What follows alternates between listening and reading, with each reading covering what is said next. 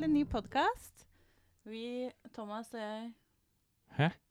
har en gjest. Ja. Vil du introdusere deg selv og fortelle hvorfor du er her? Jeg heter Julie, og jeg er her for å snakke om verdensdagen for overdose, og hvordan det er det å vokse opp eh, i rus og etterlatt etter overdosedødsfall. Ja, dette er jo et tema som er veldig viktig å belyse. Mhm. Og det kan være sikkert vanskelig å høre om og snakke om, men eh, sterkere, sammen er vi sterkere. Kan du fortelle hva som skjedde med moren din? Ja, altså hun hadde jo Hun hadde jo ikke et enkelt liv til å begynne med. Hun var jo eh, Pappaen hennes var ikke så grei mot henne. Eh, hun vokste opp i mye uro, hun også. Hun var veldig glad i å ta seg en fest. Begynte tidlig med rus og alkohol. Eh, men hun tok seg veldig sammen eh, da jeg ble født. Eh, men så ble det jo litt etter litt under barneårene mine. Hun drakk veldig mye. Eh, litt piller her og der, men det var jo mest alkohol det gikk i. Um, og så flytta jeg til pappaen min da jeg var fire år, for da hadde det tatt litt av med rusbruket hennes. Eh, og så var hun innlagt på behandling eh, to steder. Eh, og så på det siste stedet så møtte hun en fyr eh, som var heroinavhengig. Eh, De forelsket seg, eh, og så tok det jo ikke sånn veldig lang tid før hun også begynte med heroin. Og da var jo veldig mye gjort. Da var jeg ca. syv år gammel. Seks. Syv. Mhm. Så det er mammaen min. Og etter det så var det jo egentlig nokså Texas. Jeg hadde jo veldig lite med hun å gjøre da hun begynte å ruse seg tungt. Og jeg skjønte ikke hvorfor jeg ikke kunne se mamma. Jeg spurte jo pappa eh, ofte Uh, hvor er mamma, hvorfor kan ikke jeg se mamma? Har mamma fått et nytt barn, hun er mer glad i enn meg. Uh, er ikke mamma glad i meg lenger? For jeg forsto jo ikke hvorfor jeg ikke kunne se henne. Eh, men så jeg husker ikke helt hvordan det var, om mamma og pappa møtte sammen, eller om det var bare pappa som tok det med meg. Men da ble jeg forklart at hun brukte noe som het narkotika. Og det var grunnen til at hun ikke kunne se meg. Og så spurte jeg narkotika farlig enn alkohol, for jeg visste jo veldig godt hva alkohol var. For jeg hadde jo Mm. levd med mamma da hun drakk mye. Mm, og så fikk jeg liksom beskjed om at ja, narkotika er farligere enn alkohol sånn sett. Og så fikk jeg vel en sånn ro i kroppen, for da visste jeg jo eh, hvor hun var. på en måte, Eller jeg visste hvorfor jeg ikke kunne se henne. Eh, men det var jo på en måte ikke rolig for det om. Fordi jeg fikk jo ikke sett mammaen min sånn som normale barn fikk se mammaen sin. Og så hadde vi ikke noe planlagt samvær sånn sett. Samværet var jo mellom mamma, pappa og meg. Eh, Ja. Så det hendte jo at jeg fikk jo møte mamma etter hvert. Um, så avtalte vi ofte på telefon på forhånd. Og så hørtes mamma fin ut, og så kommer vi opp og møter mamma, så er hun ikke fin i det hele tatt. Så det var jo mye Det var jo veldig mye kaos rundt det med mamma. Eh, fra jeg var liten, så skjønte jeg at jeg visste at mamma var annerledes da jeg drakk Mm. også. Jeg husker det var en episode i barnehagen um, hvor jeg lekte med dokkehus, og så sier de ansatte 'Nå er mamma her, Julie'. Og så sier jeg 'Nei, men jeg må se hvordan mamma ser ut først'. Og selv så skjønte jeg ikke hva jeg mente. For jeg visste jo ikke hva jeg skulle se etter, men jeg visste samtidig at jeg kjente igjen om mamma føltes trygg eller ikke. Så husker jeg at mamma kom sjanglende inn i barnehagen. Hun var i veldig godt humør, veldig blid. Men hun Det var ubehagelig, for hun var på en måte så ukjent. For hun sjangla, var liksom litt for glad. Hun var bare annerledes. Hadde håret oppsatt i en dott. Så litt mer ustelt ut. Så jeg ville jo ikke hjem. Um, og det blir jo en diskusjon hvor da ansatte prøver å Men dra hjem med mammaen og Julia. Det går fint, og vi ses i morgen. Uh, og jeg og mamma begynner å krangle. Jeg er sint, hun er sint. Uh, barnehagen står der og vet egentlig ikke helt hva de skal gjøre. Og så ender det med at eh, jeg spytter på moren min. Eh, og da klikka jo helt. Hun var jo litt smågæren. Um, og så skulle vi dra fra barnehagen. Så husker jeg at jeg gråt og gråt og gråt og gråt hele veien hjem. Og så gikk vi, Hun gikk noen meter foran meg, så gikk jeg bak. Og så var det ei jente som var på andre siden av gjerdet i barnehagen, som sa 'Å nei, Julie gråter. Stakkars Julie. Julie er lei seg'. Og så husker jeg at jeg svarte at nei, det er ikke meg det er synd på, det er mamma. For nå har jeg vært slem. Og det er litt sånn det på en måte var hele barndommen. At det, hun var alltid man skal si offeret, da. Og det, det ble på en måte starten på at det er mamma det er synd på. Det er jeg som ikke oppfører meg. Ja. Det er jeg som ikke er snill mot mamma. Det er jeg som krangler, gråter, ikke hører. Uh, men da så syns jeg oppriktig at jeg tenkte det er mamma det er synd på. Det er ikke meg. Og det ble på en måte starten på det hele, altså de første minnene jeg har da, med, med hun og liksom rusbruket hennes. Så husker jeg ikke hvor lang tid det tok før jeg flytta til pappa. Det var en hendelse til hvor hun også kom påvirket i barnehagen. Men da husker jeg ikke helt. Jeg husker bare antrekket hennes, og at jeg syntes det var ubehagelig. Mm. Uh, pappaen min stakkars visste jo ingenting. Um, så vi ble kalt inn, eller mamma og pappa ble kalt inn i møte med barnehagen. Og så uh, får vi da beskjed om Pappa trodde det var vanlig foreldresamtale. Uh, så får vi beskjed om da det er mamma, pappa, meg, ansatte. Og så tror jeg kanskje at det var fra barnevernet også, men jeg tør ikke å si helt sikkert. og da ble det lagt frem for alle det at Hege har et alkoholproblem, og hun skal i behandling, og sånn og sånn og sånn. Uh, så hun skal da flytte midlertidig hjem til far, uh, og etter endt behandling så skal hun hjem til mor igjen. Um, og så sa pappa at uh, det kan dere bare glemme, hun skal aldri tilbake til moren sin. Hun skal mm. bli hos meg, så her blir hun. Og så ble hos pappa, da. Mm, så var hun jo i behandling. Og jeg husker at jeg altså var med på besøk der flere ganger, mm, der hun var innlagt. da var det også veldig sånn Hvordan har Julie oppført seg i dag? For det var sånn at jeg var så slem mot mamma. Jeg klarte aldri liksom, Jeg var snill mot pappa, men jeg var slem mot mamma. Og jeg har jo skjønt sånn i ettertid at det gikk jo på at uh, jeg var jo så sint inni meg. Så det var jo egentlig en naturlig reaksjon av et barn. Mm, men jeg fikk jo på en måte alltid skyld at nei, nå har ikke du oppført deg igjen, nå har Julie vært slem. Mm, og så Men det var jo så fint å være på besøk. Vi hadde det jo mye hyggelig òg. De hadde sånne sommerturer på fjellet og var på hyttetur og møtte andre som hadde med barna sine. Det var mye hyggelig, òg. det var fint å være på besøk. Men så møtte hun jo da han, han som var på behandling for heroinavhengighet, da. Og da gikk det jo ikke som man hadde håpa. Og etter det så ble det jo på en måte starten på slutten, om man kan si det sånn. Mm. Det var veldig, veldig mange år. Hun ruset seg veldig, veldig tungt. Og som jeg nevnte i stad, hvor jeg ikke fikk sett henne i det hele tatt. Mm. Uh, og de gangene jeg fikk se henne, så var det bare ubehagelig. Uh, nei, uh, så hun ruset seg veldig, veldig tungt. Um, og så var jeg jo bedre i perioder, kan man jo si. Hun rusa jo hele tida, men noen ganger så rusa jeg seg jo slik at hun var tilnærmet normal. Mm. så jeg fikk jo ha samvær. Men det var jo aldri noe hyggelig, fordi hun var jo annerledes. Jeg merka jo at hun var annerledes. At hun enten var sløv, at hun så annerledes ut, altså pupillene hennes. Så det endte jo ofte med at uh, avtale på telefon, pappa kjører meg til mamma. Jeg og pappa merker at mamma ikke er mamma. Uh, og det er kjempevanskelig for pappa også, for da vet jo ikke han Skal han sende dattera si opp til hun, eller skal han ta dattera si vekk fra hun? Og Mm. uansett hva han hadde gjort, så hadde det blitt feil. For hadde Mm. han sagt til meg nei, men Julie, nå må vi heller dra hjem, Mm. så hadde jeg blitt kjempelei meg. Men det endte jo alltid med at jeg ringte pappa og hylgråt fordi et eller annet med mamma. Og så kommer pappa og henter. Hun skriker, jeg skriker, alle skriker. Og så tar pappa meg vekk fra mamma, og så var jeg mye dårlig, jeg hadde mye vondt i magen etter å ha sett hun. Um, det hendte jo også at uh, hun kom jo på skoleavslutninger og sånt. Og da var det jo at da måtte vi bare dra hjem for at jeg følte meg syk. Mm. Jeg skjønte jo ikke da at det var det som trigget at jeg fikk så vondt i magen. Um, men da dro jeg pappa hjem, og da kunne jeg vondt i magen flere dager etterpå. Samme konfirmasjon til kusinen min, så var ikke mamma invitert, men hun kom i kirka for det.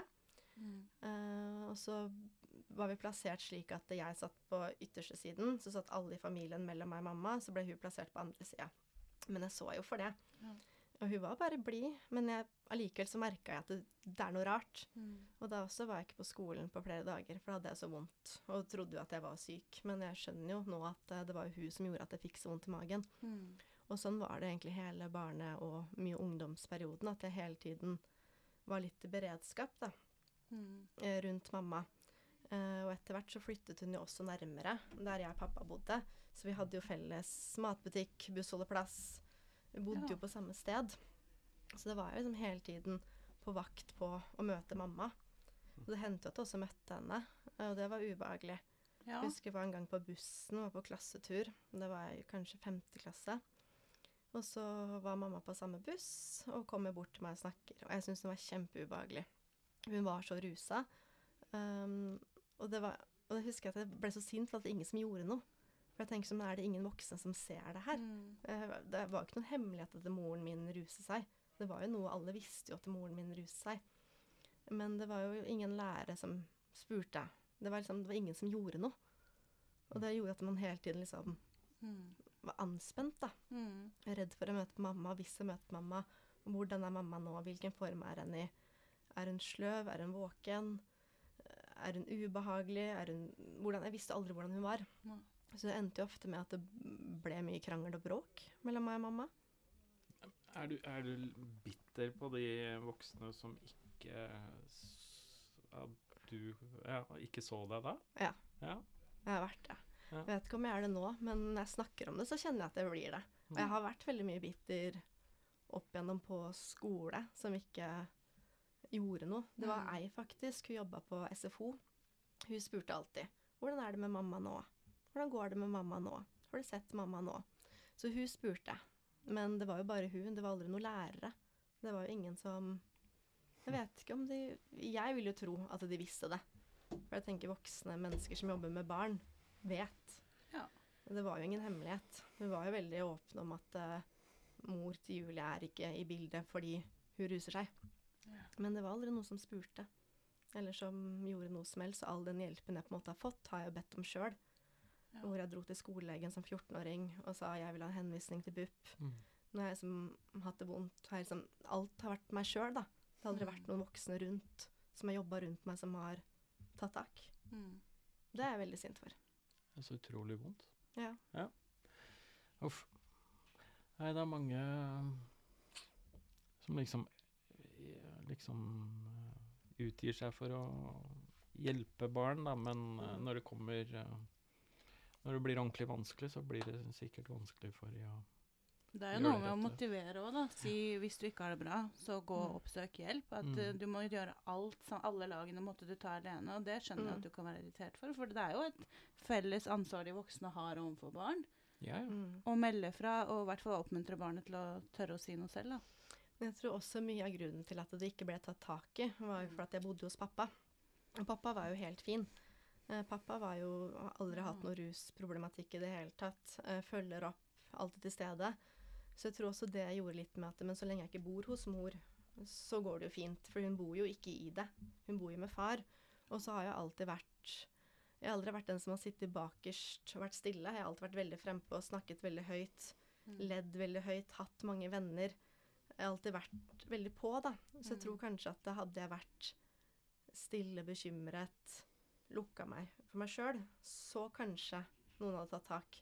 Men i og med at jeg har vært sånn som jeg har vært, da, så kanskje man tenker at det, hun har det helt fint. Ja. Og selv om jeg på en måte ler veldig høyt, så har jeg det også vondt inni meg. Eller hadde jeg det veldig vondt inni meg som barn. Jeg var jo mye sint, lei meg, vondt i magen. Og liksom så Alle hadde så normale mammaer. Og det hadde jo ikke jeg. Ja. Mammaen min var jo rar, tenkte jeg da. Og alle hadde vanlige mammaer som lagde middag, bakte kaker. Det hadde jo aldri jeg. Det var veldig sårt. Mm. Det var det. Det er viktig å se litt uh, bak uh, fasader. Uh, ja, er det. Hm. For det var jo det du lagde, kanskje, for, i forhold til de du møtte? At du var blid og virket normal? Ja, ja. kanskje. Det har jeg I voksen alder, så ja. Men som barn så vet jeg ikke. Jeg tror det er det at man hele tiden skal overleve. Mm. At man åh, Hvordan skal jeg forklare det? At Én ting er at det var det livet jeg hadde. Jeg vet jo ikke om noe annet liv. Det var sånn jeg var oppvokst. Men jeg tror jo også det at uh, det former jo hjernen på et sett. Mm, Barn som lever så utrygt som det jeg gjorde rundt mammaen min, da, utvikler jo kanskje ikke hjernen på samme måte som det andre barn gjør. Så jeg var jo hele tiden i beredskap rundt mamma, hele tiden på vakt. Hele tiden liksom så etter tegn, hele tiden passet på. Um, nei, jeg vet ikke helt. Men ja, det var nok kanskje mye fasade også. At Ja, Altså, det, nå mener jeg ikke fasade. Det var litt sånn overlevelsesstrategi fra din side, da. Å virke virke Ja, det er det jeg Det mener. jeg, Ja. Absolutt. Det er vanskelig å sånn svare på da jeg var lite barn, fordi som barn så skjønte jeg mye, men jeg skjønte jo ikke hvordan ting hang sammen. Jeg tenkte jo sånn som, som barn så tenkte jeg at det, mamma oppfører seg rart. Mamma er rar, mamma er ikke som de andre. Nei. Men som voksen og så begynner man å reflektere litt og tenke tilbake hvordan det påvirker, og hvor stor skade det har gjort, da, Mm. egentlig. Hvor utrygt det faktisk var. Mm. Men det skjønner jo liksom ikke en åtteåring, da. Nå. Det er ikke meningen at en åtteåring skal skjønne det i det hele tatt. Nei. Men det jeg lurte på, er føler du at du hadde noe likhetstrekk? At uh, moren din også var utadvendt, sånn som du var? Mm. At da, du hadde en trygghet i det, og derfor viste du den ja, Ikke fasaden nødvendigvis, men den siden ja, av deg, da. Det var feil. Ja, det var, fasade er ikke feil, men liksom, det var den inngangsbilletten du hadde i det sosiale liv. da. Var det fra moren din, tror du? Mm. Uh, pappa er uh, stille og rolig. Han hilser på folk, Mm. prater med de han kjenner. Um, og det er det. Mamma snakka med alle. Hun gikk fort, og hun veiva, og hun var blid, og alle kjente Hege. Alle visste Ja. hvem hun het Hege. Alle visste hvem Hege var. Mm. Uh, hun var veldig godt likt blant mange. Uh, prata, prata med alle hele tiden. Så var i butikken, og hun møtte noen hun kjente, så prata masse. Hun, var, hun hadde jo mye fint ved seg også. Ja, ja, som Og du bare utad- ja. ja. som du på en måte Og det har ubevisst jeg kanskje hørt ja. i ettertid også. Eh, hvis jeg, jeg går bortover gata, da, og så er det en voksen person som var voksen da jeg var barn, som også kjente mamma, eh, som har blitt sånn 'Å, herregud, jeg trodde det var Hege som kom'. Det var kjemperart. Og det har jeg hørt mye, at jeg går på samme måte, at jeg har, har mange av de sidene der ved hun da. Mm. Så det har jeg nok fått fra mammaen min. Ja. At jeg har vært så på. Men mamma også var, hun var veldig på, men kanskje ikke på riktig måte. Hun snakka jo ikke om det som var vondt, kanskje. Nei. Og de gangene hun gjorde det, så var det jo når hun gikk inn i den offerrollen. Hva med meg da, Julie? Har du noen gang tenkt på meg? Hvis jeg konfronterte hun med noe, så gikk du alltid tilbake på 'men hva med meg'? Jeg har det så vondt fordi jeg er blitt utsatt for det og det. Mm. Jeg hadde det sånn og sånn som barn. Jeg har bare lyst til å slippe. Hva med meg? Hun var jo veldig sånn, og så jobba kanskje ikke så mye med seg sjøl som det hun burde ha gjort. Nei, det er det jeg hører òg. Mm. Du har jobbet med deg, Mm. men, eh, men du har blitt tvunget til å jobbe med henne da du mm. var barn, da. mm. Så det er jo. Urettferdig på et vis, eller på mange vis. Mm. På alle vis. På alle vis, ja. Ja. Mm. det er jo Det er det. det. Men hva tenker du liksom eh, I forhold til det jeg sa i sted, hva tenker du at der, eh, lærerne og de som du stolte på, burde ha gjort den gangen du følte deg ikke sett, da, på en måte? Eh, først og fremst spurt hvordan går det sånn egentlig. Ja. Hvordan har du det sånn egentlig? Um, og så kanskje sett litt sånn Er det en grunn for at hun oppfører seg sånn og sånn? Mm. Er det en grunn for at hun ikke er på skolen nå? Jeg var ikke Mm. mye borte fra skolen, det var jeg nok ikke. Men det var jo mye magevondt da, som gjorde at jeg ikke var på skolen. Mm. At man kanskje liksom tok meg til side og spurte hvordan det egentlig gikk. Mm. Eh, og fikk i gang altså, samtale med sosiallærer. Altså, jeg vet ikke helt. Jeg lurer på, Hadde du turt å svare dem hvis de hadde spurt? Hadde du sånn at du måtte beskytte mammaen din, eller var du klar for å Stolte du på andre, da? Hvordan får man til den prosessen? Godt spørsmål. Um, jeg tror nok at jeg kunne svart veldig overfladisk Ja. om at eh, det går bra med mamma. Nei, det går ikke så bra med mamma. Eller ja, men det går fint. Det tror jeg. Men jeg tror også det er viktig at voksne ikke slutter å spørre. Ja. At man fortsetter å spørre. Når man har en følelse på at noe ikke stemmer, Mm. så spør. Mm. Og så spør du dagen etterpå. ja. Og dagen etterpå. Og følger Og opp og dagen ikke etterpå. gi Ja. opp. Ja, til det har kommet tillit. Mm. Mm. Det det- tror jeg er viktig. Veldig bra svar, Ja. Ja, for det er jo det, det Det ligger jo egentlig naturlig i oss, om man er lærer eller om man er forelder eller um, Selv om barnet sier at uh, han har det, eller hun har det bra, Mm. så skjønner man at noe er galt på et eller annet måte. Man får en sånn feeling Mm. når man møter folk over tid, tenker jeg. Ja, så bør man jo også skjønne det at når eh, mor til barn ruser seg så tungt som det hun gjorde, Mm. så må man jo skjønne at det ikke er bra uansett. Ja. Selv om jeg bor med pappa og har det bra med pappa, Mm. så må jo alle voksne rundt skjønne at det er egentlig ikke helt bra. Mm. Men kanskje de ikke skjønte, kanskje de ikke turte å spørre. Mm. At det er vanskelig å spørre om. Mange syns det er vanskelig å snakke om rus. Jeg merker jo det også hvis noen spør meg om mamma og jeg svarer. så kan det jo bli litt sånn Oi, be beklager. Uh, og bli litt satt Ja. ut. Ja. Så kanskje det er det det går på, at uh, voksne kanskje ikke selv tåler de svarene som er, da. At Mm. man er redd for å spørre At man kanskje er redd for å spørre feil, så derfor velger man heller å ikke spørre. ja. Eller at man er redd for at man ikke vet hvordan man selv skal håndtere det. Nei. Og derfor lukker man heller bare øya og går videre. Men har du noen gang konfrontert noen et i ettertid? Liksom, 'Takk for at du ikke stilte opp'? Nei. Nei? Det har jeg ikke. Nei.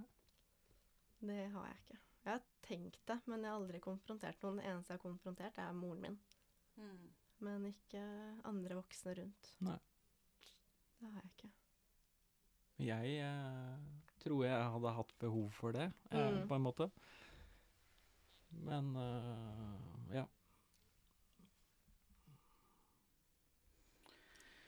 ja. Det er ikke så lett å vite Nei. hvem man skal klandre og hvorfor, men jeg er enig i at samfunnet burde ta grep. Og det gjelder alle som har ansvar for barnet, ikke bare mødrene. Fordi Mm. når mødrene eller fedre eller andre nære pårørende eller som har ansvar, eh, faller fra, så er det som du sier, en del av utviklingen som naturligvis ikke vil være til stede og kunne blomstre. Mm. Og da må jo samfunnet være med å ta ansvaret, da. Mm. Har Ja. du noen noe tanker om uh, hva? Jeg tror bare det å tørre å spørre aller først Ja. er veldig viktig. Ja. Um, og tåle svarene. Um, men, jeg- men jeg vet ikke. Det er vanskelige spørsmål. Men tror du du- noen i noen yrker er litt redde for å gjøre feil, liksom? Altså at man uh, barnevern eller lærer, eller at de går inn for seint fordi de er redd for å drite seg ut, på en måte? Eller tenker du at uh, det er bedre å drite seg ut én gang enn å Eller ti ganger og, og gjøre noe godt for én, da, på en måte? Hvordan tenker du Jeg Vet ikke. Jeg har aldri tenkt på den måten der før. Jeg har aldri tenkt på det før.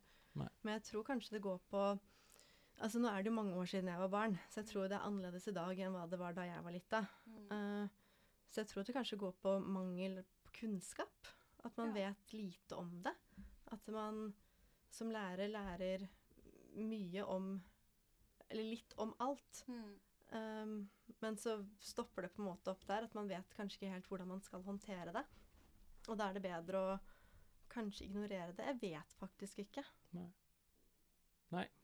Og kanskje ting blir litt distansert, og at én ting er teori, en annen ting er praksis. Når skal man Mm. gå inn med hvilken kunnskap hvor? Mm. Man, uten å få noen Det er jo en dialog på veien med barnet, ikke sant. Mm. Hvor, hva svarer barnet? Ja, hvis barnet bare svarer alt er fint, hva gjør man da? Mm. Men hvis de begynner å åpne seg, så kanskje det går an å ta tak, da. Mm. Og så er det liksom sånn For barn vil jo svare at alt er fint. For man ser jo som det i Barn beskytter jo foreldra sine. Mm. Barn som har det veldig veldig vondt, beskytter foreldrene Mm. sine. Mm. Jeg har sett um, Jeg husker for noen år tilbake, eh, så var det en sak med en gutt som hadde det veldig, veldig vondt, eh, og han døde. Og så spurte jeg pappa sånn Men hvorfor tror du ikke han sa noe? Hvorfor tror du ikke han gjorde noe? Hvorfor tror du ikke han liksom sa det til de på skolen at han ble utsatt for det og det hjemme? Mm.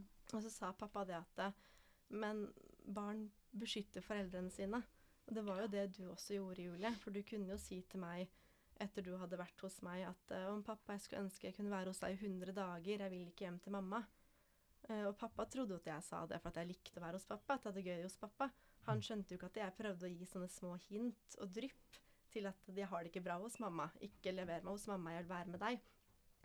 Det er kanskje de små dryppene lærere og barnevern kanskje ikke alltid ser, da. At barn beskytter foreldra sine så mye, men så kommer de hele tiden med litt sånn små 'jeg vil ikke hjem'. eh, Jeg, altså sånne småting, da. Så tror jeg at lærerne må på en måte ha mer kunnskap i hvordan man skal plukke opp de små dryppene fortere. Mm. For å forstå at et barn ikke har det bra.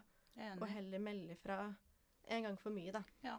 For det er mye bedre det, at uh, det blir sendt en bekymringsmelding, uh, og så var det ikke noe. Ja, men da var det ikke noe. Men da vet Mm. vi det, da var det ikke noe. Men da sjekket Mm. vi det opp. Mm. Enn at det ikke blir sendt i det hele tatt. Mm. Ikke sånn for min del, men jeg tenker sånn for eh, hun eller han åtteåringen nå, da, som lever i tung rus, at uh, Ja. ta, ta de små dryppa barna gir. Eh, og hvis du får en magefølelse, så Mm. meld ifra. Mm. Snakk med barnet om det. Mm. Og er det ikke noe, så er det veldig fint. Men er det noe, så har man kanskje fått gjort noe bra òg, da. Mm. Mm. Hvor gammel var du da moren din døde? Jeg var 17. Um, og da, da hadde hun egentlig vært fin lenge. For den ungdomsperioden så var hun veldig fin. Hun hadde sprekker, men hun var perioder nokså rusfri, vil jeg si. At det var om hun rusa eller ikke. Mest sannsynlig så ruste hun seg jo hele tiden. Men da var det på en måte så kontrollert at det gjorde ikke noe. Så da hadde vi det jo egentlig veldig, veldig fint sammen. Uh, men jeg var jo på en måte alltid litt på vakt for det. Jeg likte jo ikke å være ute med venner uh, i frykt for at jeg kunne møte på mamma. For jeg visste ikke hvordan mamma ville være. For jeg Mm. merka så lett på mamma hvis det var noe. Mm. Jeg tror ikke vennene mine gjorde det, men jeg la veldig godt merke til alt som var annerledes med henne. Eh, pupiller, øh, hvordan øynene så ut, hvor hun svettet på kroppen, hvordan hun gikk. Mm. Altså, det var så mange sånne småting da, som jeg kunne liksom se på mange, mange meters avstand. Var det sånn at du lette etter en usikkerhet, for du var så vant til å alltid bli møtt med en ny versjon av moren din? Så du liksom lette til du fant det? Ja, kanskje.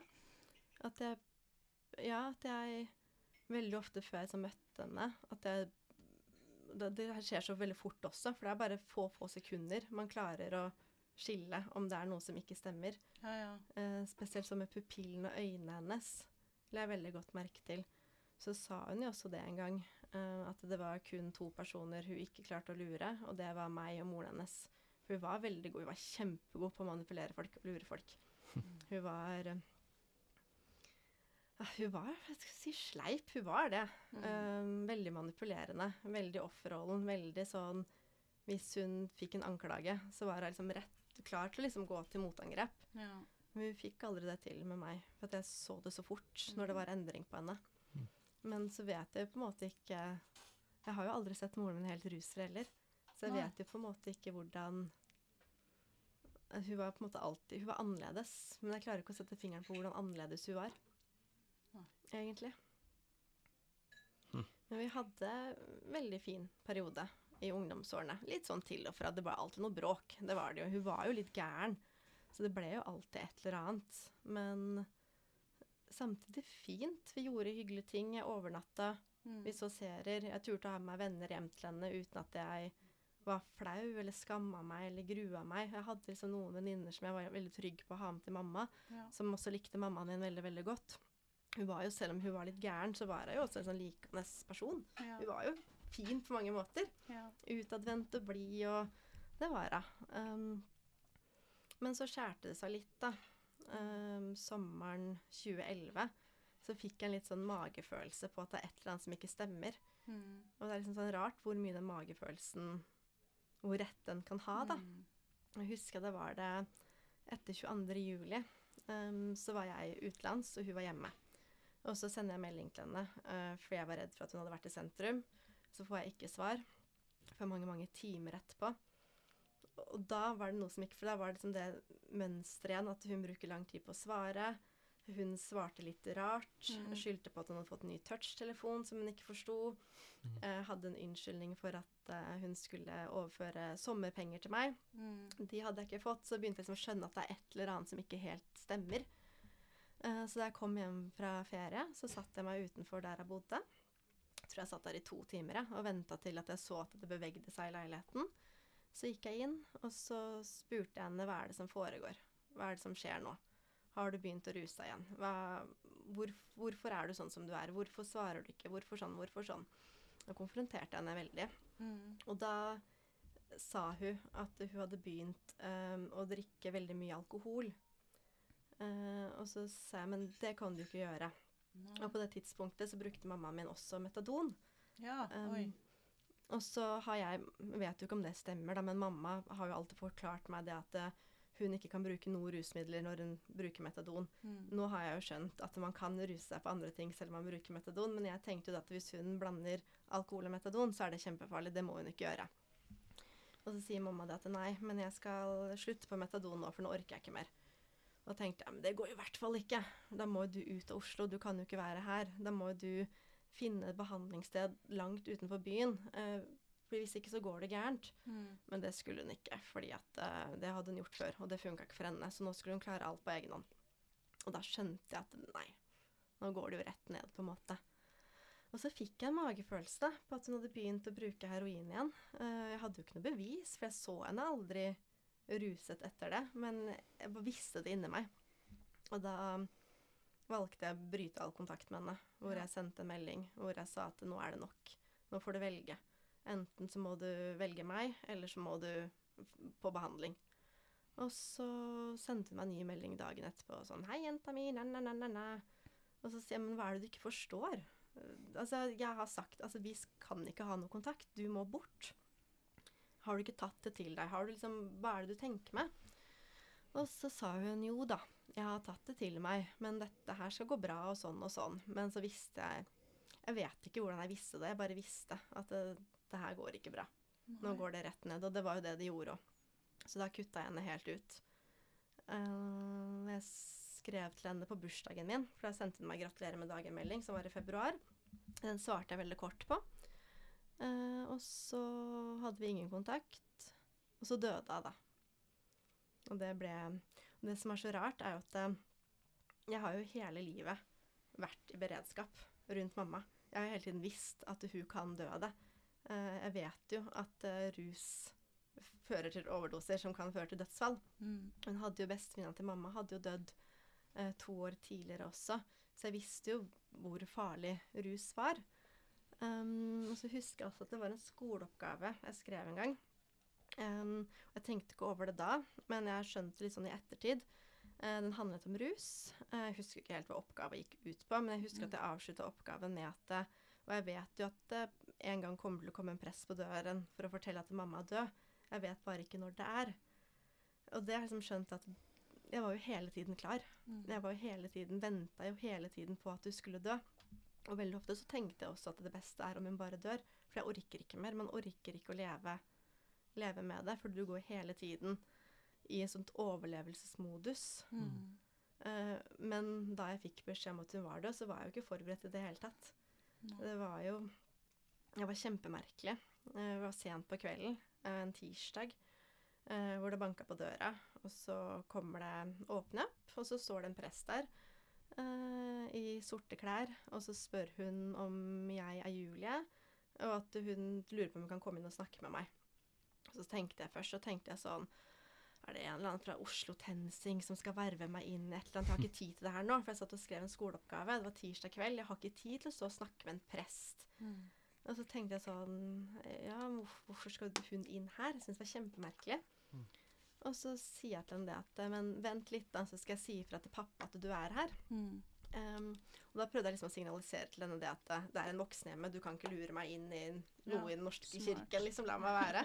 Ja. Og så sier hun til meg det, det er fint, uh, gå og hent pappaen din og be han komme ut hit med en gang. Så tenkte jeg, men fælt, da, så ivrig den dama her var. Det var kjemperart. Og så går jeg til pappa, så sier jeg, pappa, det er en prest der, eh, og hun skal prate med meg. Og når jeg sa den setningen, så skjønte jeg det. At det er, hun, kom, hun ringte jo ikke fra dør til dør, hun gikk jo målbevisst til der Julie bodde for å snakke med Julie. Uh, og så gikk jo pappa bort og introduserte seg og var kjempestressa, for jeg tror også pappa skjønte hva som foregikk.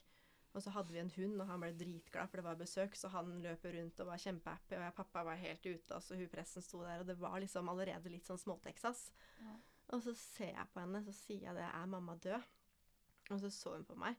Jeg har aldri blitt sett så dypt i øynene før. Det var akkurat som hun bare så gjennom hele meg. Og så sa hun bare 'jeg beklager så mye'.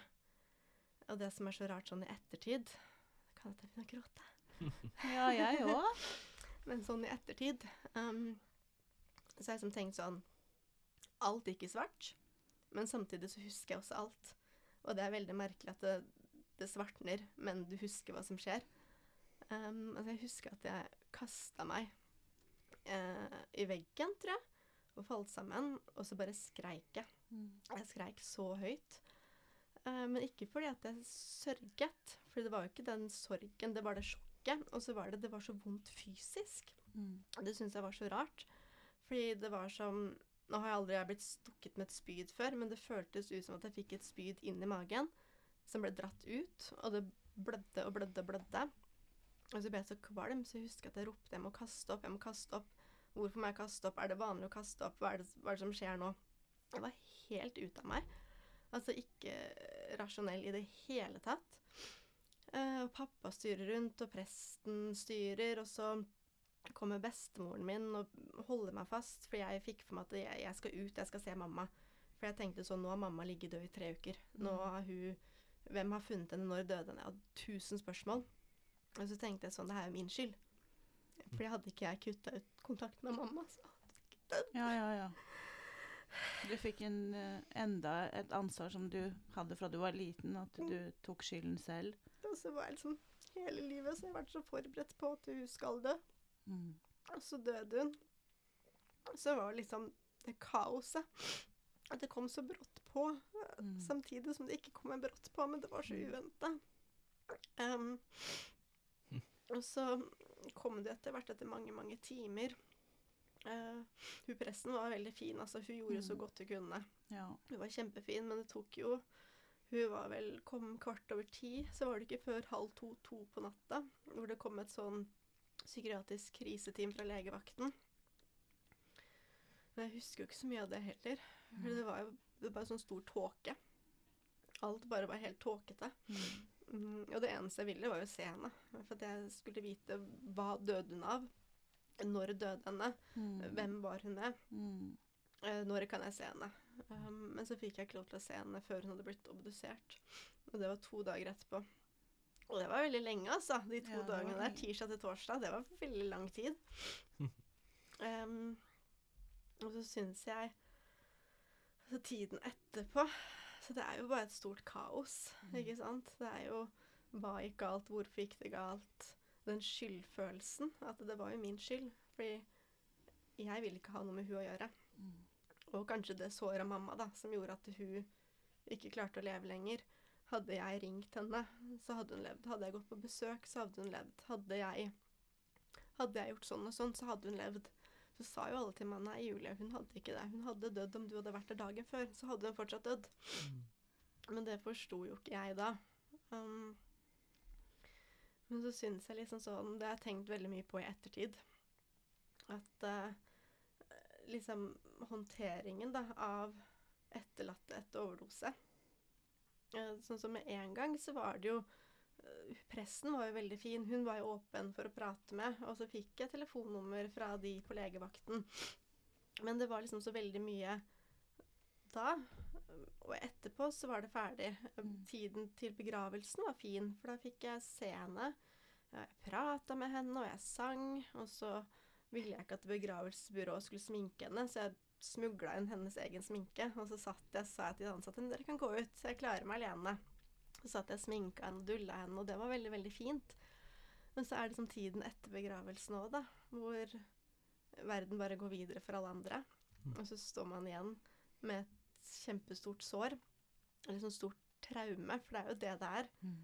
Eh, hvis man tenker liksom hele tiden de små eh, traumeopplevelsene man opplevde som barn, jevnt hele livet, og så kommer det dødsfallet så brått på, og så står man igjen og må leve med det videre. Ja, jeg tenker jo at når det gjelder å motta dødsbudskap, så blir man ikke forberedt uansett hvordan samfunnet sier at det er ventet og ikke. Har du Mm. noen uh, kommentarer til hvordan det var for uh, akkurat deg i ditt tilfelle? Ja, Uh, Kunne noe vært bedre? ja absolutt. Hva da? Altså jeg føler liksom sånn at overdosedødsfall Det blir på en måte ikke anerkjent nok i samfunnet. Det er så stigmatiserende. Det er fortsatt så tabu at man ikke snakker ordentlig om det. Og det er, Hvis man ser på på en måte hjelpen etterlatte får ved trafikkulykker, selvmord, Mm. eh, og så ser man på hjelpen overdose, dødsfall etterlatte får, så er det jo to helt forskjellige. Jeg mener jo ikke det at de som er etterlatt etter selvmord, ikke skal få den hjelpen de får, for det skal de absolutt. Men, I tillegg, da. mm, men det er med overdose så er det så dysset ned, for det er som om det er en slags forventning i samfunnet. At folk som ruser seg, tar overdoser. Folk som tar overdoser, kommer til å dø. Eh, Det vet vi. Eh, Og sånn er det bare. Men så tenker jeg liksom sånn på alle de som står rundt, da. Som blir direkte påvirka og indirekte. Så du har jo meg som er datter. Mm. Så har man nevøer, naboer, foreldre, søsken. eh, mine venner, alle de som også jobber med rus, da, som jobber på institusjoner kanskje, hvor det også er dødsfall.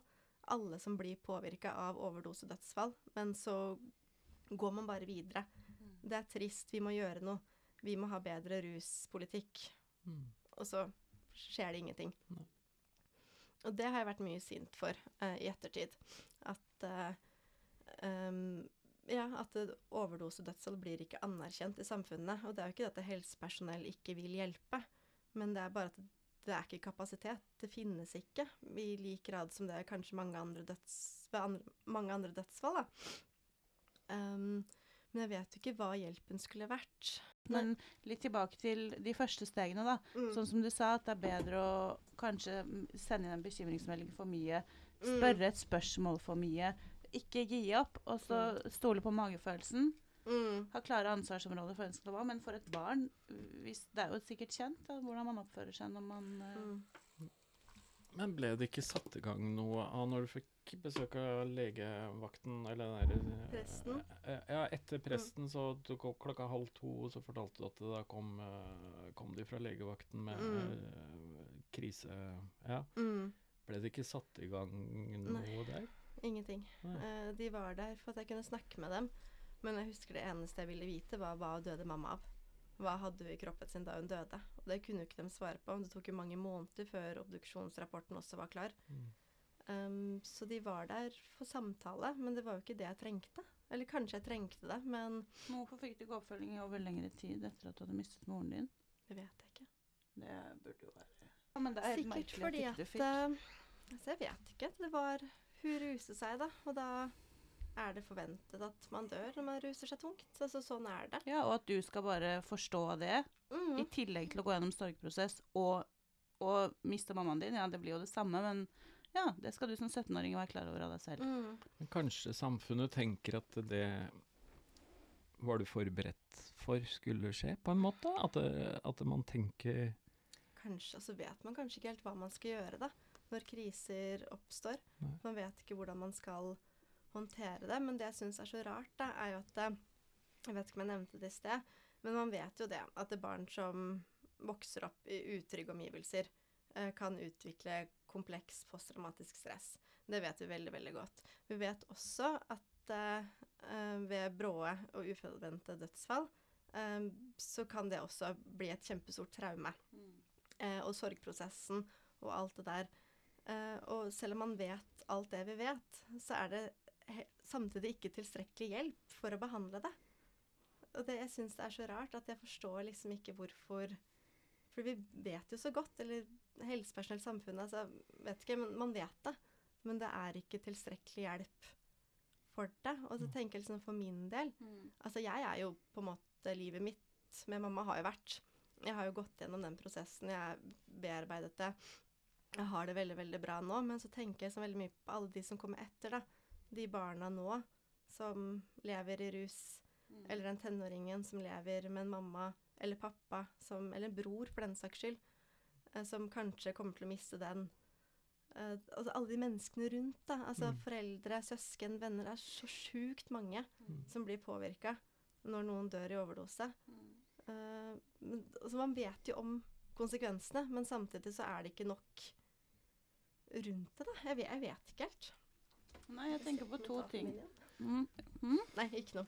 Det ene jeg tenker på, er at du sa det så fint selv, at eh, du gikk rundt i konstant beredskap, men da det skjedde, så var du totalt i Altså, det var helt uventet for deg. Mm. Og det sier jo noe om hvilken beredskap du har gått i, og som må da Mm. takles i etterkant, i Mm. tillegg til sorg. Mm. Og det skjønner jeg jo at det er vanlig for, for folk som har lært det teoretisk, men ikke for de pårørende som går gjennom det for første gang. Mm. Enig med deg. Mm. Det er brutalt. Altså, det er kjempebrutalt. Det er Og jeg tror heller liksom ingen helt forstår hvor brutalt et sånt traume er, da. At mange kan liksom tenke det at eh, ja, mammaen hennes var ikke helt til stede, og så døde hun brått, og det er trist, og jeg skjønner at det påvirker deg, men, men man, jeg tror ikke mennesker som aldri har vært traumatisert, forstår ikke eh, hvordan et traumatisert menneske føler og er.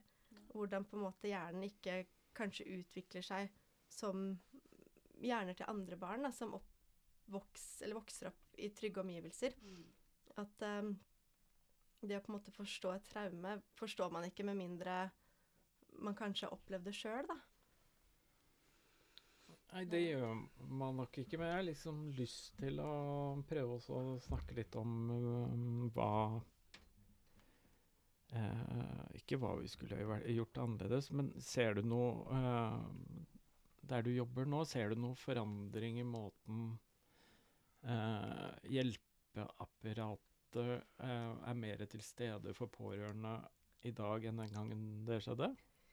Nå jobber jo ikke jeg så veldig mye i akkurat den gruppen der, da. Nei. Men jeg syns hjelpeapparatet rundt de med rusmiddelavhengighet syns jeg er bedre Mm. enn hva det var da mamma levde.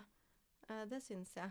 At det er mer aksept, at det er mer forståelse, at det er godtatt. Altså at man ufarliggjører det å prate om rus i større grad da, enn hva det var før. For før så var det jo Når man snakket om rus eller tenkte på rus, så føler jeg at det var et bilde av de menneskene som sto nede i sentrum med knekk i knærne Mm. eh, og sløv stemme. Ja. At det var sånn det var. Og så de som hjalp rundt, satte seg forsiktig ned og snakket litt med sånn barnestemme og Hva skal vi gjøre for at du kan bli rusfri? Men nå så er det, føler jeg, at det er en større aksept for liv med rus. Og at det på mange måter også er OK. At man jobber kanskje for å forebygge mer enn nødvendigvis reparere. Da. At man trenger ikke Man må ikke være rusfri for å ha et fullverdig liv. Nei. Uh, men det føler jeg at man kanskje tenkte før at man måtte. Ja. At du har ikke et bra liv hvis du ruser deg. Eller hvis du ruser deg, så er du den og den gruppen. Mm. Men at hjelpeapparatet rundt Ja, men, Det det, men hjelper bedre, ikke det på den- rusavhengige? Sånn i, tenker du at det også sprer seg ut til pårørende barn? Tenker du at det Kanskje, ja.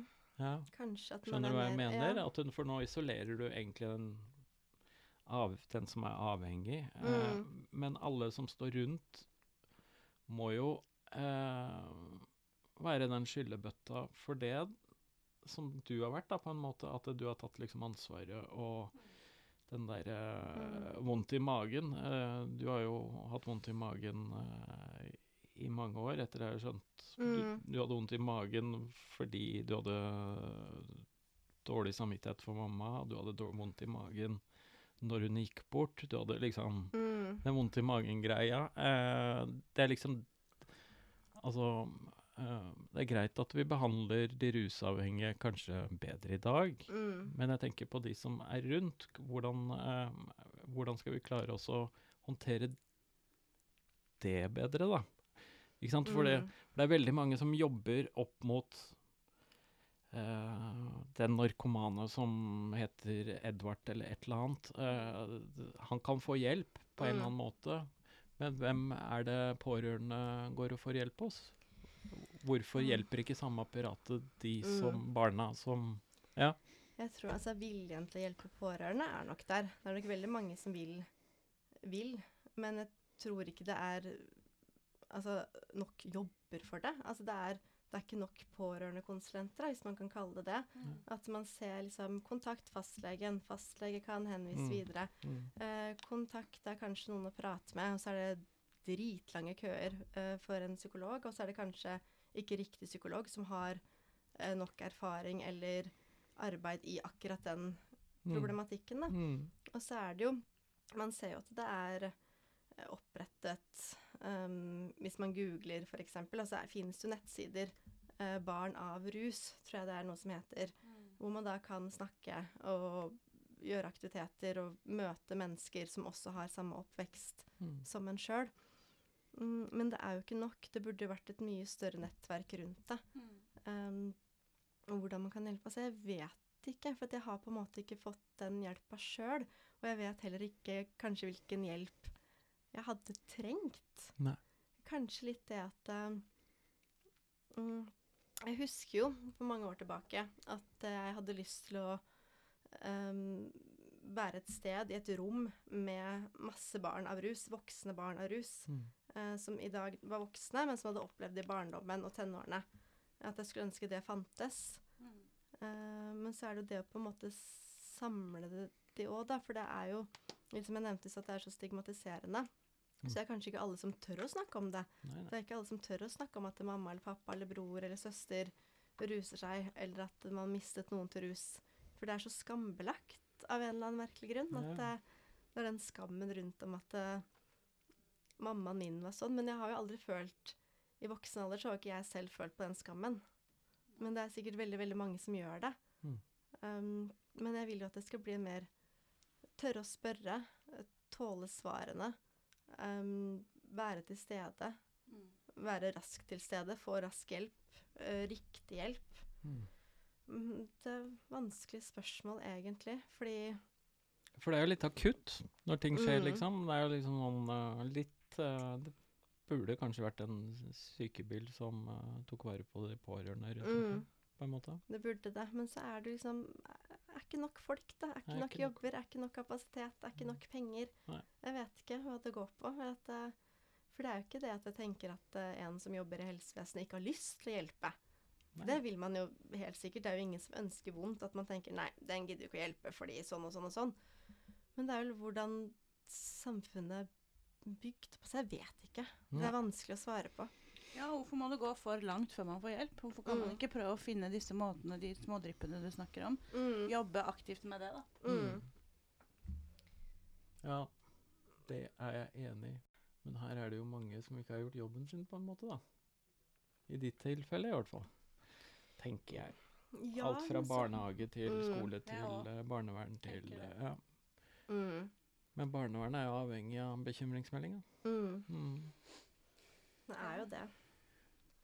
Så, men da, igjen så tenker jeg sånn Meg var jo så mange år sia. Det kan jo hende at det er annerledes nå. Kan jo hende at det er bedre nå. Og det vet jeg jo ikke, for jeg lever jo ikke i det lenger.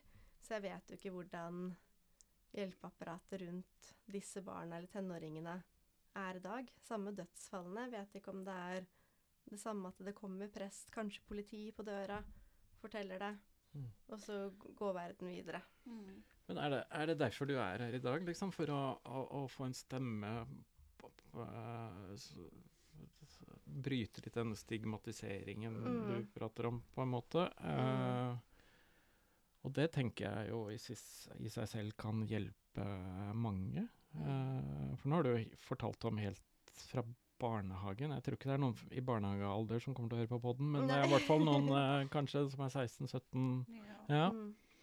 Jeg kjenner jo liksom sånn For min del så har jeg på en måte ikke et stort behov å snakke om hvor trist livet mitt har vært. Jeg må gjerne gjøre det. Det er ikke noe problem for meg å snakke om det. Men jeg kjenner jo litt det at jeg har lyst til å være en stemme for alle andre som kanskje ikke snakker om det, eller som ikke vet hvordan man skal snakke om det, eller som ikke tør eller ikke skjønner.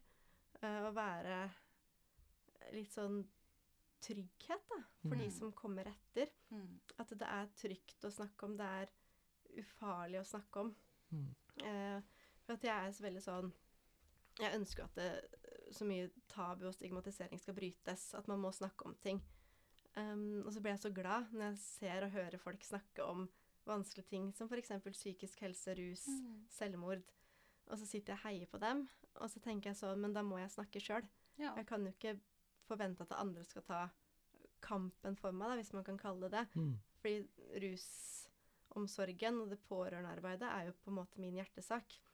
Og da må jeg snakke om det selv. Da Mm. kan jeg ikke, da må jeg jo frem. Mm. Men jeg vet jo ikke helt hvordan jeg skal nå frem heller. Men jeg vil på en måte, ja, som jeg nevnte, ufarliggjøre å snakke om det. Bryte den stigmatiseringen, bryte den skyldfølelsen kanskje mange pårørende har. da. Hva kunne jeg gjort annerledes? Eh, sikkert mange foreldre som har barn som ruser seg, som skylder på seg selv fordi hva gikk galt i oppdragelsen? Hva kunne jeg som mor eller far gjort annerledes? Mm. Eh, hva kunne jeg som datter, sønn gjort annerledes? Men det var kan, er kanskje ikke noe man selv kan gjøre annerledes, for det er jo det er jo en sykdom, og Mm. uansett hvor godt du har oppdratt barnet ditt, så kan den bli rusavhengig. Ja. Og da må man på en måte stå klar når krisa kommer, da. ja. Så kjenner jeg at jeg liksom har så lyst til at det, Som jeg også nevnte tidligere, at det skal bli anerkjent. At man Mm. snakker om disse dødsfallene. Vi snakker om alle de rundt som blir påvirket, både direkte og indirekte. Mm. Eh, de man også glemmer litt bort. Det var jo sånn nå i helgen, f.eks.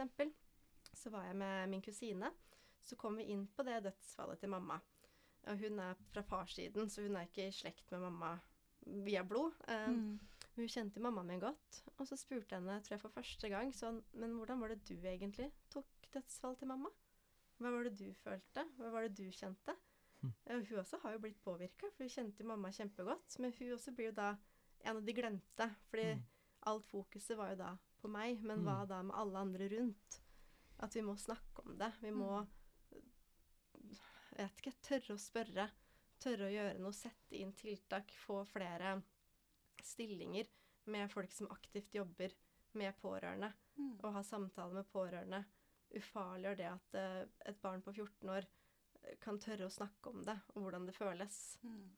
Og starte tidlig med, med behandling. Og at eh, ja, Mm. det er vanskelig. Det er kjempevanskelig. Mm. Men man kommer ingen vei uten å prøve. Nei. Og man kommer ingen vei uten å dele historier, som du sier. Mm. At uh, kanskje det er en lang vei å gå, men det er i hvert fall en vei som du er med å lage. Og du Mm. kan jo mye mer enn mange andre. Du har jo erfaring. Du Mm. kjenner du på egen kropp og i eget liv hvor mye Mm. det kan hjelpe andre. Mm. Og det er det jeg ønsker, da. Og det å Mm. nå frem. Mm. Og være en sånn trygghet for de som kanskje trenger det. Ja, vi er et samfunn. Vi Mm. stoler på hverandre. Mm. Absolutt. Eh, men eh, uten å legge noe ansvar på din barndom og sånn, men eh, hvis du hadde møtt en Altså, sånn som jeg oppfatter hjelpesystemet, er liksom de som trekker seg helt tilbake, og de som skriker høyest eller slår, de får hjelp liksom ganske Mm. kjapt. Mm. Og du var en sånn mellomting som falt litt igjennom, på en måte. Mm. Kanskje. Mm. Tenker Hvis du skulle ha gjort det om igjen den gangen, hadde du noen gang For å få ekstern hjelp, da. Mm. Hadde du skreket høyere, eller hadde du bare låst deg inne, liksom? For da kommer jo barnevernet på og Mm. sjekker ut hva som skjer, når du ikke møter på skolen. Ikke Mm. For, siden det er så stigmatiserende å gå ut og prate om det, hvordan Mm. Altså, hva er, hva er nød, nødknappen, da?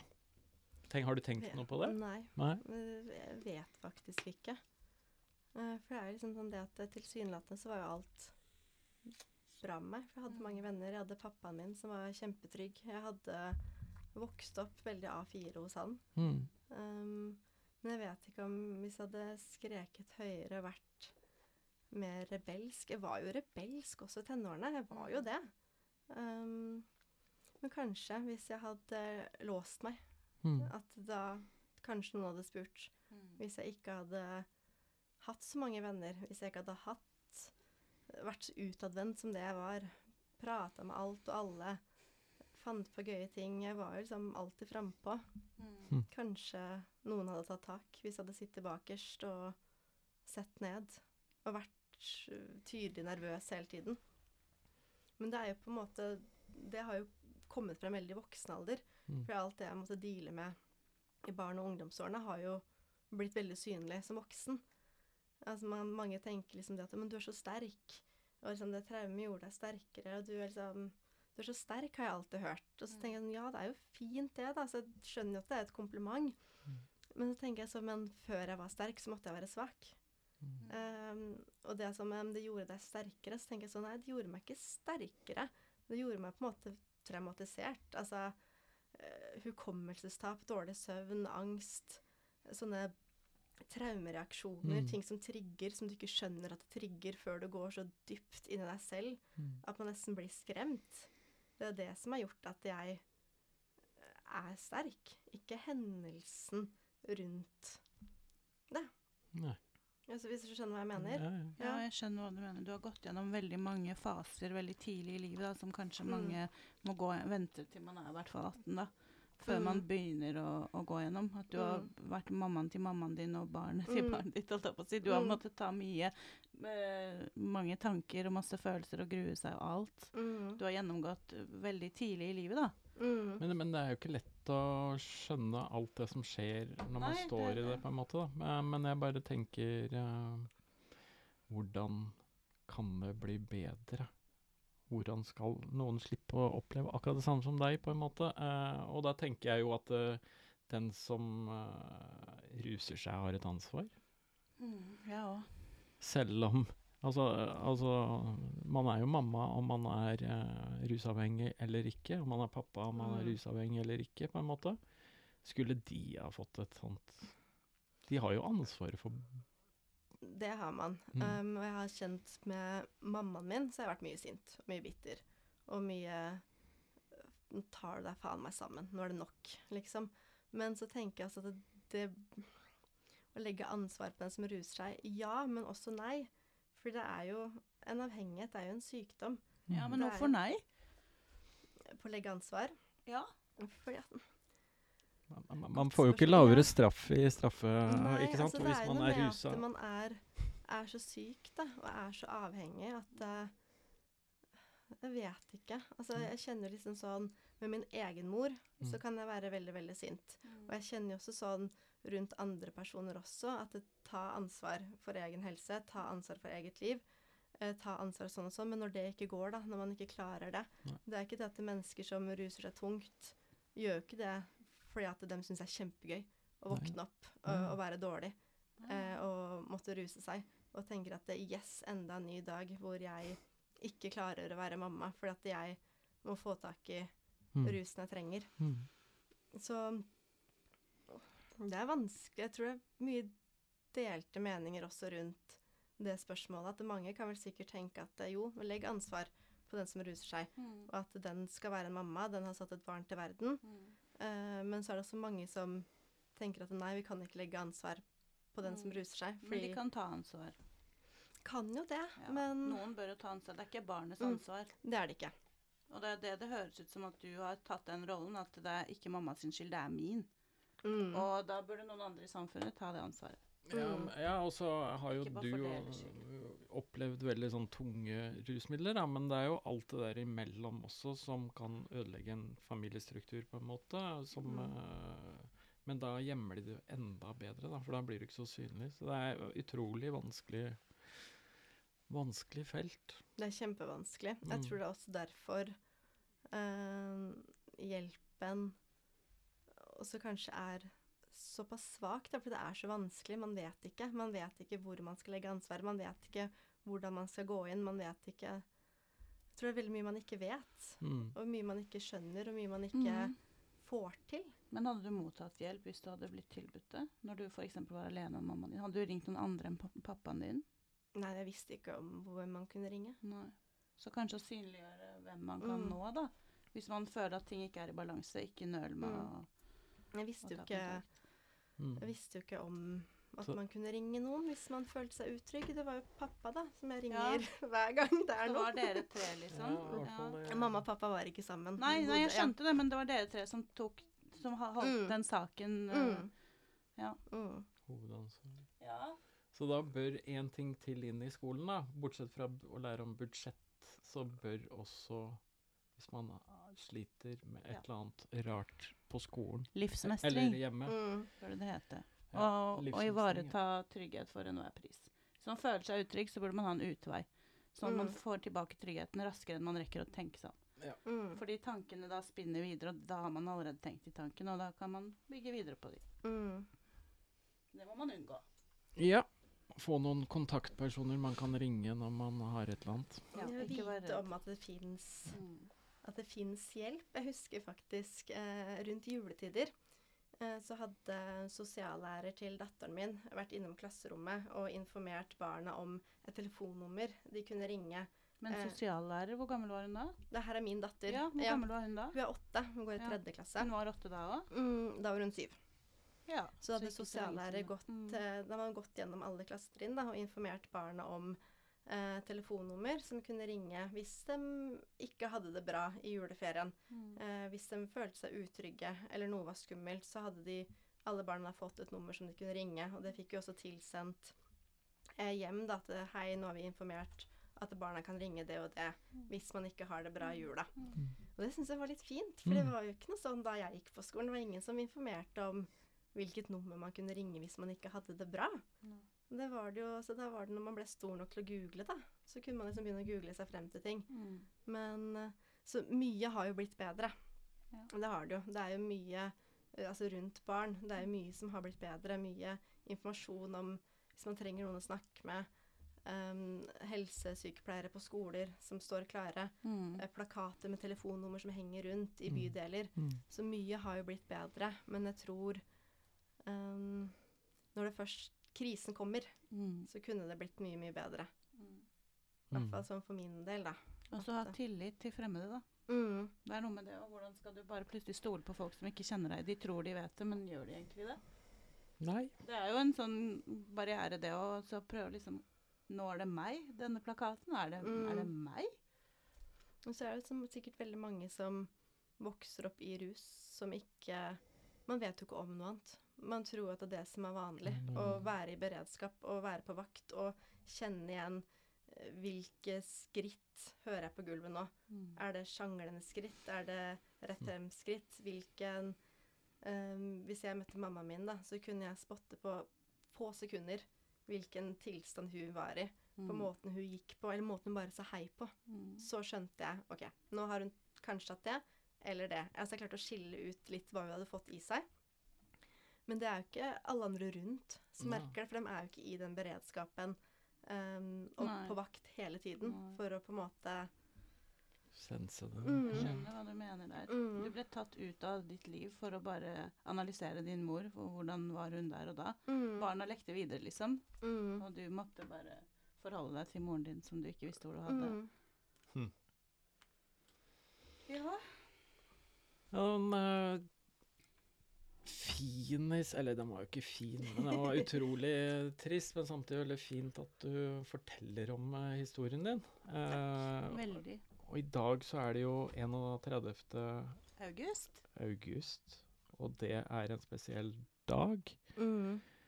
Eh, og da markerer man over den hva, hva er det dagen heter for noe? Verdensdagen for overdose. Verdensdagen for overdose. Og for pårørende og bevisstgjøring. Det er Mm. litt av misjonen, da. Ja, Det absolutt. gjelder over hele verden. Ja, er det noen som vil si noe på tampen, eller er vi eh, fornøyde? Jeg tror jeg er fornøyd. Ja, så Ja. bra. Tusen takk for at du tok deg tid. Og Jo, selv takk for at jeg jeg- fikk komme. kjenner deg ikke, men jeg føler at jeg kjenner deg så mye bedre. Jeg er imponert over hvordan du Takk. åpner deg og ser på Ser lyst fremover og bruker din historie til noe viktig. Tusen takk. Helt rørt. Tusen takk. Yes. Takk. Ha det. Ha det.